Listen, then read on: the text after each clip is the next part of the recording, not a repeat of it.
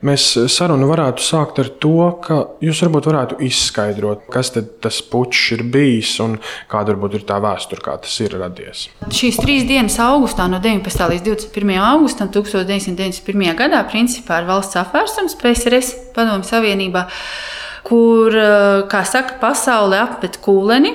Un tad ir skaidrs, ka Padomju Savienība, principā, ja ne tajā dienā, bet drīz tiešām šai padomju savienībai pienāks gals. To, kāpēc tas notiek augustā, man liekas, ir diezgan, no nu, vienas puses, ļoti interesanti, varbūt tā mazāk zināmi. 20. augustā 1991. gadā ir paredzēts parakstīt jauno savienības līgumu, kura mērķis no Gorbačova puses, kas tajā brīdī ir PSRS prezidents, pirmais un, kā izrādās, arī pēdējais, mērķis ir glābt šo brūkošo valsti. Savienības līgums paredzētu to, ka šīm valstīm, kas ir parakstījušas, viņas būtu suverēnas valsts, vienas valsts ietveros, būtu lielāka brīvība. Varētu lemt vairāk paši par savu ekonomiku. Baltijas valsts uzreiz paziņoja, ka šos savienības līgumu neslēgs. Tika veikti parakstu vākšana šeit, Latvijā, un tika savākt īsā laikā ļoti daudz paraksti pret šī savienības līguma parakstīšanu. Uzreiz 12 valsts bija paziņojušas, ka šos parakstus slēgs. Un jūlija beigās Mihails Gorbačovs eh, tiekās ar Borisu Jeļcinu, kurā tiek spriest par šo savienības līgumu.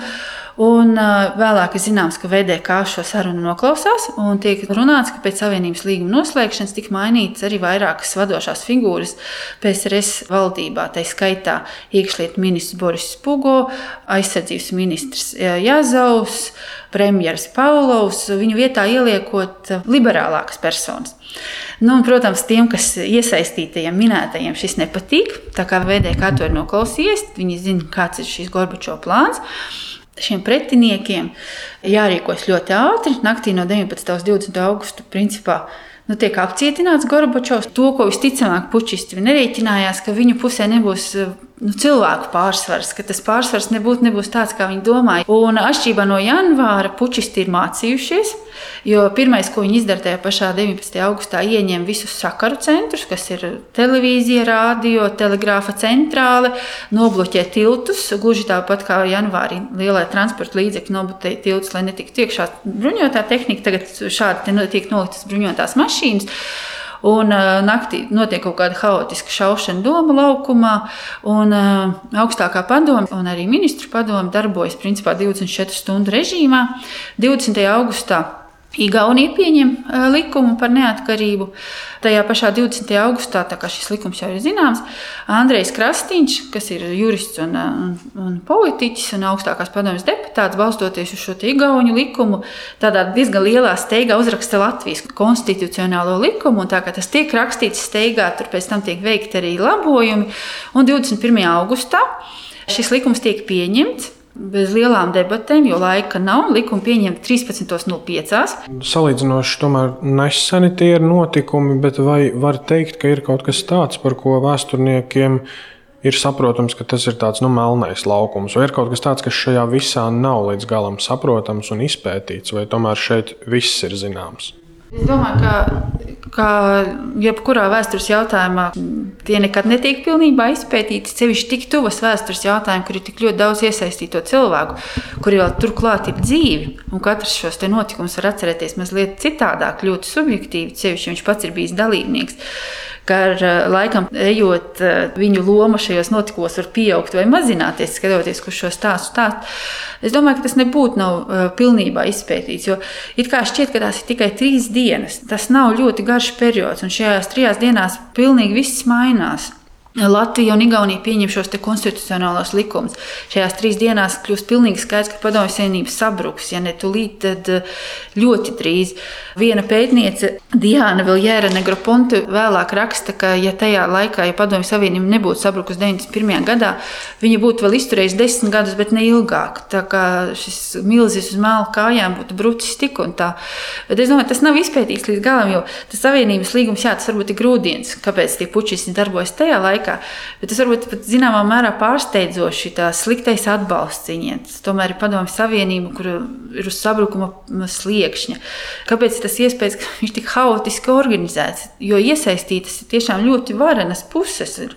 Gan VDK, gan armija ir iesaistīta. Man liekas, tas tieši pētītās pa stundām, kas notiek. Tas tās, tādas ļoti piesātināts trīs dienas, un tas pats Salaspils rādio, kas man liekas ir ārkārtīgi interesanti kuram tik ilgi nav pievērsts uzmanības, kā viņi uzstājas un viņš darbojās. Un tas klusums radio ēterā tikai 56 sekundes. Man liekas, tas ir, nu, tas ir unikāli. To vajadzētu, to tiešām skolā vajadzētu mācīt, kādas ir tās uh, miermīlīgās pretošanās metodas. Jo Baltijas valstis tiešām ir tāds paraugs šī miermīlīgā, nevardarbīgā pretošanās, ko arī mums kādreiz arī, kad cilvēki nāk uz muzeju, tas diezgan pārsteidzoši. Kad, nu, mēs tā arī panācām. Mums tomēr tie zaudējumi ir ārkārtīgi nelieli. Jā, Anģis ko grib piebilst. Starp citu, piebilstot par šo vēsturisko izpēti, nevelti ir tāds teiciens, ka vēsture sākas pēc 50 gadiem. Līdz 50 gadu senā pagātne tā ir tikai politika. Un, protams, tas ir ļoti labi, ka šie cilvēki aizvien ir dzīvi, ka viņi aktīvi darbojas un piedalās mūsu valsts politiskajās norisēs un arī nāk uz Tautas frontes muzeju un sniedz intervijas. Bet tas tomēr, zināmā mērā, mums aizvien traucē mazliet distancēties no šī laika notikumiem, lai veiktu tādu zinātnisku izpēti. Tā kā, protams, ir ļoti svarīgi vēsturiskās liecības no šiem cilvēkiem iegūt tieši tagad, bet es domāju, ka tādai zinātniskai izpētei būs vēl nepieciešami vismaz gadi 20, 30, lai mēs varētu atskatīties atpakaļ ar tādu mazliet vēsāku prātu. Un, eh, ja mēs atskatāmies uz tiem notikumiem, vai jūs varat iezīmēt teorētiski kaut kādus citus scenārijus, kas kaut ko varēja ietekmēt un kas varēja notikt tādos gadījumos. Pārējie potenciāli ir mums negatīvi. Es domāju, ka mums nepatiktu. Jo, ja puķis būtu izdevies un šīs reformas būtu apstādināts un, un, un, un tiktu atgriezušies pie tās nu, klasiskās padomju savienības, kā, liekas, kas bija pirms uzsāktiem reformām Mihāla Gorbačova Es domāju, mēs būtu līdzīgā situācijā, kā varbūt Baltkrievija vai, vai, vai Ukraina tagad. Tas bija tas mirklis, kas bija jāizmanto. Tas arī Alberts Bels 4. maija deklarācijas pieņemšanas dienā saka, tā ir mūsu vienīgā iespēja izdzīvot. Mums citas arī vairs nebūs. Un tā arī bija vienīgā iespēja. Ja puķis būtu izdevies, otrs iespējas, es domāju, tik drīz arī vairs nebūtu. Ja Padomju Savienība tiešām neteiktu atgūtos, bet kaut kā saņemtos un šīs reformas pārtraukt un šos grožus atkal stingrāk savilktu. Otra iespēja, mēs nezinām, kad viņi rastos. Tāpēc tiešām mums ir tas jānovērtē un jāsaprot, ka tas, kas notika, vēsturiski ir labākais iespējamais variants, kas vispār varēja notikt. Jo sliktākie varianti būtu mūsu tautai un nācijai un mūsu Latvijas neatkarībai, potenciālajai neatkarībai, kas vēl tolaik veidojās, tie būtu vienkārši nāvējoši.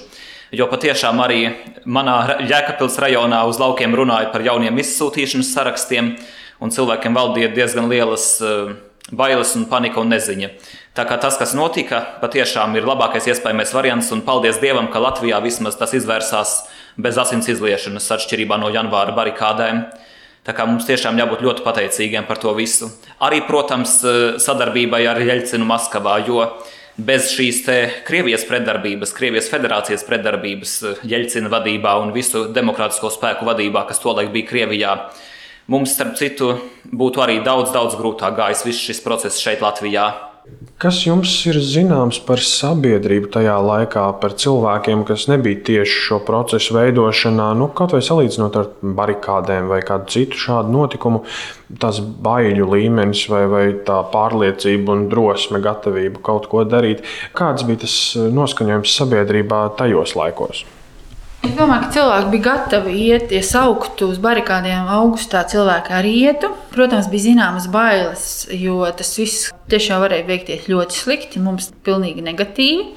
Bet cilvēki bija gatavi. Un tas, ka 21. augustā cilvēki stāvēja pie augstākās padomas un gaidīja šos rezultātus, gluži kā 4. maijā, tas nozīmē, ka cilvēki tiešām gaidīja šo atbrīvošanos. Cilvēki ne visi, protams, bet lielākā daļa bija augstākās padomas pusē. Gaidīja šo likumu. Un cilvēki, kas nebija tieši iesaistīti, es domāju, viņi bija gatavi. Tiešām. Tāpēc arī bija tās debatas par to, vai veidot vai neveidot barikādas, jo aicināt cilvēki braukt, un cilvēki bija gatavi nākt. Bet bija skaidrs, ka šoreiz šīs barikādas izvērtīsies pavisam citādākas. Bet cilvēki bija gatavi. Cilvēki tomēr arī tie paši deputāti, man liekas, to līdz galam nenovērtē. Vai tas 4. maija vai 21. augusts, šie deputāti, kas balso, tas vienmēr bija zināms risks. Jo, ja tas viss beidzas slikti, Nu, viņi būs paši pirmie. Viņu vārdi ir zināmi, viņu ģimenes ir zināmas, kur viņi dzīvo. Viss ir zināms, viņi visi ir zināmi. Ja šī situācija izvēršas mums negatīva, tas viss jau ir zināms. Tautas frontē visi iesaistītie. Nekas jau nebija slepens. Es domāju, ka cilvēki bija gatavi cīnīties līdz pēdējiem.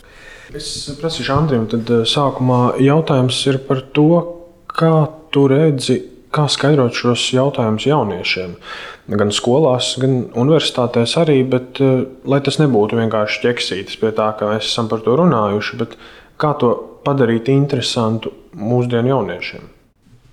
Jā, nu, protams, šeit ir vairāki veidi, kā to var darīt, un viens no tiem būtu sākt no tāda mazliet triviālā gala. Atceros savu laiku, vēl kad gāju pamatskolā, mēs braucām kādā ekskursijā, un tur viena muzeja vadītāja arī sāka runu par šo tēmu. Bet viņa iesāk ar tādiem vārdiem, prasot, kas jums ir mugurā un ko jūs ēdat brokastīs. Un, nu, protams, lielākā daļa atbildēja, ka mugurā viņiem ir džinsu bikses, un brokastīs viņa ēda desmaizes, uzsmērējuši no rīta. Nu, un dabiski tā viņas atbilde sekojošā bija tāda, redziet, kāda jūs varat tomēr būt laimīgi jaunieši, jo manā laikā nebija ne desmaizes, ne arī džinsu bikšu kājās.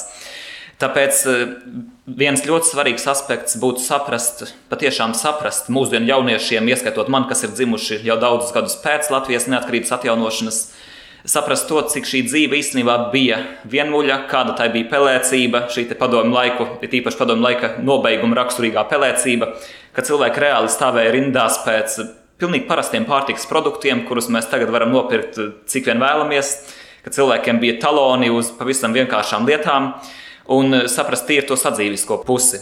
Protams, tas ir tikai viens aspekts. Otrs aspekts būtu arī saprast to, ka mēs šodien šeit šādi nesēdētu un nevarētu runāt par tik daudzām politiskām tēmām, sabiedriskām un sociālām tēmām un tik brīvi izteikt savu viedokli. Piemēram, tajā pašā jautājumā par Afganistānas krišanu vai jebkurā citā jautājumā par iekšpolitiku vai par ārpolitiku. Jo, kā jau ir teikuši gan mani skolotāji, gan pasniedzēji, tajos laikos tomēr bija īpaši vairāk jāpiedomā pie tā, ko un kā, un pats galvenais, kam tu vari teikt, un ko labāk tiešām paklusēt, un kur labāk ir pievaldīt mēli.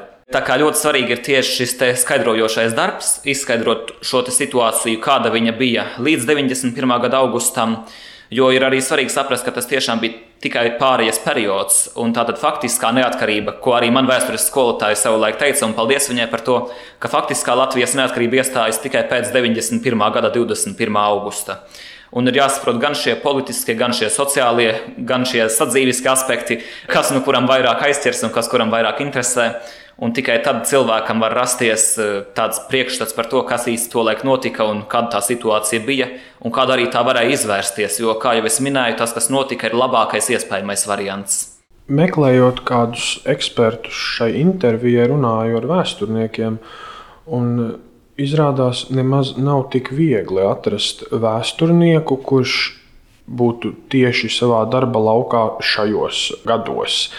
Protams, visi vēsturnieki zinās par puču un zinās iespējams vairāk kā vidējais iedzīvotājs, taču tas man lika padomāt par to, vai mums vispār Latvijā ir gana daudz vēsturnieku, kas nu, padziļināti tieši pievēršas šim laika periodam. Kāds ir tas jūsu redzējums? Piekrītu. Vispār trešā atmoda ir maz pētīts. Kā jūs sakat, visi zina, vēsturnieki varēs pateikt arī galvenos dalībniekus, galvenos notikumus, galvenos rezultātus, bet tā, ka viņš padziļināti pētīts, ir ļoti maz. Domāju, tāpat augstākā padome.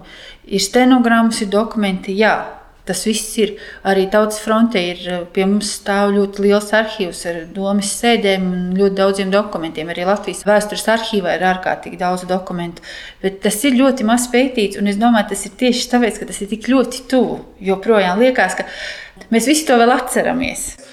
Un patiešām šiem visiem cilvēkiem, vēl darbojoties politikā, valsts pārvaldē un ieņemot svarīgus posteņus, es domāju, ka Viņiem pašiem vēl nav īsti ne laika, ne arī lielas eh, vēlmes eh, pašiem notikumu dalībniekiem rakstīt par to kādus zinātniskos darbus. Tā kā es domāju, ka tīri zinātniskā pieeja šim te visam būs drīzāk gan manas paudzes darbs, kas mēs vairs neesam redzējuši tos laikus.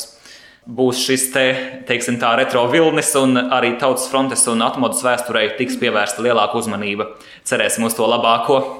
Es arī piekrītu Andrim. Ir tā, ka pētot cilvēkus, kurus uh, mēs paši vēl atceramies vai pazīstam, ir ļoti grūti viņus objektīvi novērtēt. Nu, tā personīgā patika, nepatika, atbalsts viņu viedokli vai es neatbalstu viņu viedokli. Un ir ļoti grūti man, arī vēsturniekiem. Tur ļoti pie sevis jāstrādā, lai nodalītu šo personīgo patiku, nepatiku. Tam ir jāpaiet laikam, lai tiešām tā kā Andra paudze vai nākamā paudze, kurus to visu skatīsies daudz bezskaislīgāk.